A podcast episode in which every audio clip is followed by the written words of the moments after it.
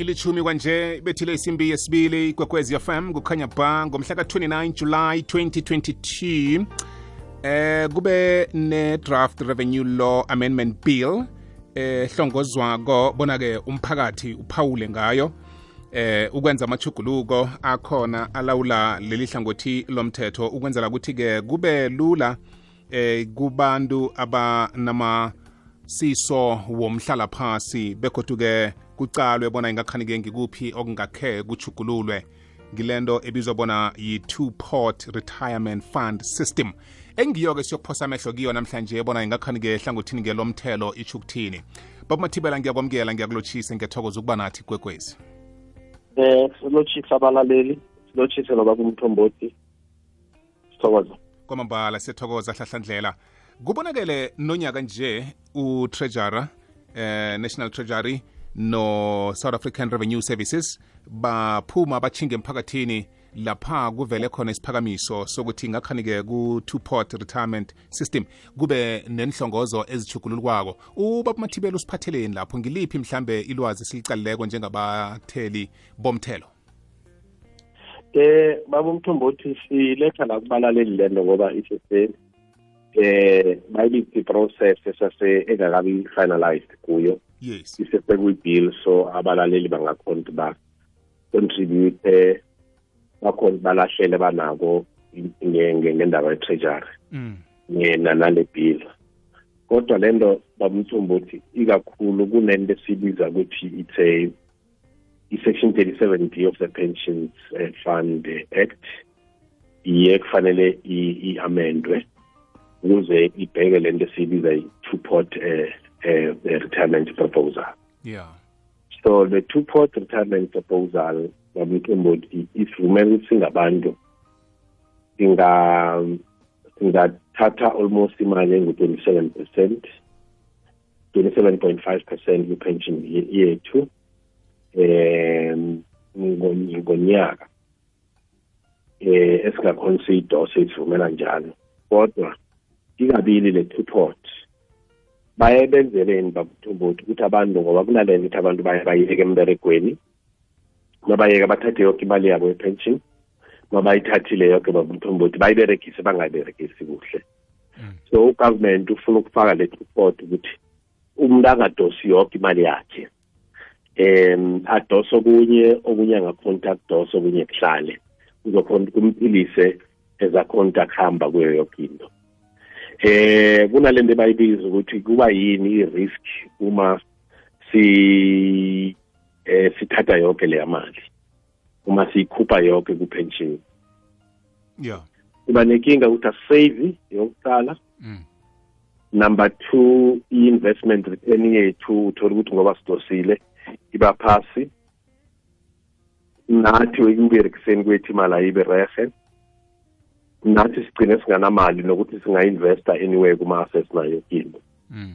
nenye inkinga esiba nayo ukuthi sikhona ukuhlulesa sikhona ukuphila unkulunkulu uma ngakakubizi uyakhona ukuthi uhlale isikhathi eside uthola ukuthi seyahlupheka usenayo imali ngoba uyiberekisile so ugovernment le nto afuna ukuyenza manje ukuthi abantu abayikhiphi imali angabavumeli yonke imali bayidose yonke ku-pensions yabo. Kube nenye esalayo enye bakhona bayivumela njengoba sithe kuwe bayikhephe to i-twenty-seven point five percent eh taxable income or 350 per unyaka ongakhona ukuthi idose and then uma umuntu um o55 uphezulu we are still going to be usakhona ukuthi uyishiye enye imali ucontribute futhi nakuma-funds nayo Mm. so so so yinto esingakhona sikhulumisane nayo nabalaleli bayibheke eh iba iba naleyo kinga eh i-minimum withdrawal ongakhona ukuthi withdrawa kule two pot iba i-2000 um almost that i-minimum le per unyaka le baye baye bayivumele. Mm. but ukhumbule sitheyile kunjani i-maximum i-twenty-five point seven five percent or u-three hundred and fifty or unyaka. Kodwa i-minimum ungayidosa u-two thousand. So leyo pension fund act yiye fanele i-amendwe kodwa aba- aba- aba- bangakhona ba, bacontribute kuyo bakhona ba, ba benza njani ngento zabo. Kwi-site le-tax eh, um babumthombothi um ilokunjani i-maximum i-rate ye-tax bayitaxe kule yama-pensions so forty-five percent um kule lamsam lezoyithatha about thirty-six percent bay tax i-maximum yayo. So so so yizo lezi zinto lezi beke sizibheke namuhla sithi fahlafahla ngazo eh i-let report eh eh, retirement proposal ekhona. Sibone ukuthi abalaleli bayibona njani kwamambala Thokoza baba Mthembethi. I- iyazwakala bamathibela eh sithokoza ukuyihlathulula ngoba vele abaningi bethu besiphandlekile. Eh sicabanga ukuthi kulapha sezwa khona obekade ngungcongqotshe wezemali phambilini okha ngenkhathi ze-covid. Eh ubaba umbowena veza indaba yokuthi eh kuza kufuneka abantu balalamele imali abo ye-retirement ngenxa yokuthi bagandelelekile ngenkolodo bakwazi ukubhadela inkolodo zabo zonke bese-ke baphume eh emrarweni wokugandeleleka ngokwezemali. Eh nekukulapha kwabasihlongozo naso esingazange sicedelelwe ukuthi siragela phambili njani. Kuthena kuvela le eh begodi chingiswa kiwo umphakathi ukuthi phawulani eh ihlobana njani mhlambe nombono loyo waphambilini ukuthi umuntu angakhona ukuwithdrawa eh ku-retirement eh, investment yakhe namkha retirement plan yakhe eh i- i- i- i-pension fund yakhe nayo ukwenzela ukuthi-ke akwazi ukubhadela iinkoloto ezimgandeleleko kunokuthi ase ayidle nje bese asale asemrarweni kusasa. Eh njengoba ngisho babumthombothi ukuthi sihlukana nale leyo ungathatha into esibiza ukuthi one third. Of i-contribution to savings pot bakuvumela ukuthi uyithathe. Yeah. Eh iyo ungayithatha. Le nyasalayo awukhona ukuyithatha. Into ozoyenza baba babumthombothi uzothola ukuthi ngenyanga ibhadalwa ikhona ukuphila ngayo leyo mali mayisele masokupension ngesikhathi opensiona ngaso lesele uyakhona ukuthi u- u- uyiberegise. Nenye into into ebayibalekelayo ukuthi masakhele leya mali sayidla yoke yonke babumthombothi ngayithola from emberegweni. Ngigcine sengi ngisabe ukuyibiza ngelinye igama but ugcine so so relaya ku-stay usuphile ugcine sowukuhamba uyokufuna imali yesasa and bowumuntu oberekayo. Mm. kanti uma isele kuma-pensions ukhona ukuthi uphile ngayo unkulunkulu azakubiza kwamambala iyazwakala-ke nje ngoba nomunye angahabela ukuyokudosa nje kuthi nasekufika isikhathi somhlala phasi imali yakhe ayisalingani nezinga lepilo sekufaka hlangana nokukhuphuka kwe-inflation ngenxa yokuthi ngendlela ebekabeka ngayo imali yakhe yomhlala phasi beyisezingeni lokuthi ngesikhathi somnyaka lo a thatha umhlala phasi imali ezabe ikhona ebulungileko izokhona ukucalana nendleko zepilo. Manje nangokudosile uyokhona njani ukuthi akwazi ukuthi aphile godu? Umraro uba uba lapho. Manje ngikuphi mhlambe okuhlongozwa khulu ukuthi kuvele emphakathini? Eh babamathibela ngibuza ukuthi kuvele emphakathini ngenxa yokuthi abantu vele bayayidinga imali nawubatshela ngokudosa kuma-retirement plan wabo baningi abazohabela ukuthi mani khe ngihlephule kancane ngivalavale lapha. Yaba umthombothi siya si- i- i- kuba nenkinga othola ukuthi kuba nenkinga nje empilweni abantu uthe ukuthi imali ayibi khona. But ugovernment uyayathi kumele sisave beke imali eh sibeke imali even noma siretire so ubeka imali sabereka ubeka imali naku-retirement. So ugovernment uya kule report uya ku-retirement nawo ukuthi ibeke ku-retirement ungayidosi yonke noma iy'nkinga zikhona kodwa ayihlali ehlaleli ukuthi nakusasa noma sowuritayile ukhona ukuthi uphile. Ngoba zihlale zikhona iy'nkinga zemali kodwa kusafanele uphile nakusasa. So yile nto ugovernment aya kuyo ukuthi uyanibekela leya mali ukuthi ungayidosi yonke enye ayihlali isalele abentwana isalele nawo uma usaphila. Ngoba noma ukhambile ma isele leya mali abasele ekhaya bayakhona bayithola abentwana bangena isikolo nabanye baphile ekhaya. Mm. Kukunike la ngingakhona khona ke ukudosa mhlambe kiyo i-savings pot yami eh kulesi sikhathi eh e- esahlongozwa nje isakhulunyiswa kungenzeka ukuthi ngikhona ukudosa?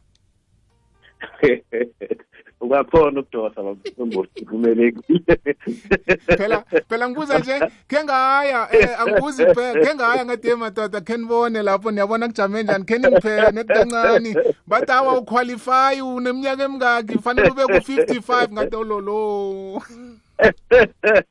ungayidosa bakumthombothi manje u-one third also ngamdosa. Kuvumelekile kwamanje ngoba kusese kusaberega umthetho lo mdala Yeah. lokhona lo wale pensions act ya. Mm. le ibhili esesekhona esazophaswa uvumelane ngayo. So ungayidosa imali kodwa ngiyaye ngithi balaleli singayidosa sibekeni ngoba zizakuphilisa nakusasa ya. Kodwa manje ngoba ingakaphaswa le bhili ungayidosa. Ya nomunye uso usomalo oyelelisako eh la ngifihla fihla khona wangitshela njalo njengoba nutsho baba mathibela wathi hey ungayidosi mthombothi. Eh tlhaka nalokho tlhaka ngakho ndoda ekhethu watsho watsho ngikhambe ngiyokutshala imbuya ngemva kwendlu ngidle yona bengifike ku-55 eh manje ke kuvaliwe ukuthi umphakathi ungaphawula namkha kusavuliwe. Eh nakuthi kusavuliwe ngiyiphi indlela abayisebenzisako yokuphawula?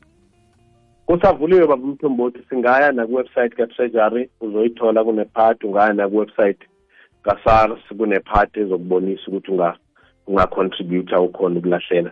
Noma uye ema-ofisini waka-sars uye ema-ofisini ka-treasury ungakhona ukubabhalela incwadi ubatshela ukuthi ufuna ukucontributa ku-bill uyilahlele kunama-box abanawo.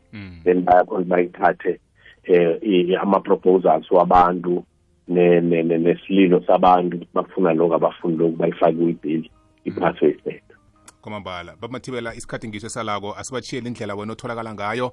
Mhlawumunye umlaleli nakazifunela elinye isizo eliphathelene nendaba zomthelo.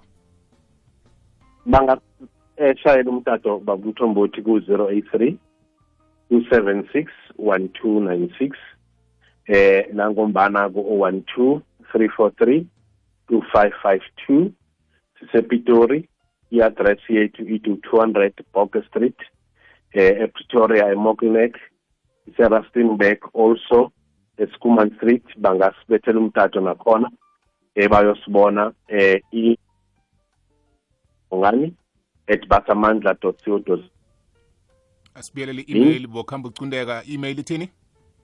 I-email kibongani at basamandla co za noma ithi admin at basamandla co za bangasibethela umtato ku-083 276 1296 i-address yethu ngu-200 Boker Street eMokilneck ePretoria nase-Skuman Street eRustenburg sikhona. Bangeza bazosibona. Sithokoze. Ngithokozile bamathibela akube yimini emnandi sokubuya sihlangane kodwa unyaka eh khe ngithi inyanga ezako eh la sabe siphethe esinye kodwa isihloko somthelo. Ah. Ahake ihlezi naye bunjalo ubaba ubongani mathibela uhlahlandlela. Ya khe ngaya ngathi umntu obekabekile manje sihlephula njani la? Wade khamba kutshala imbuya wena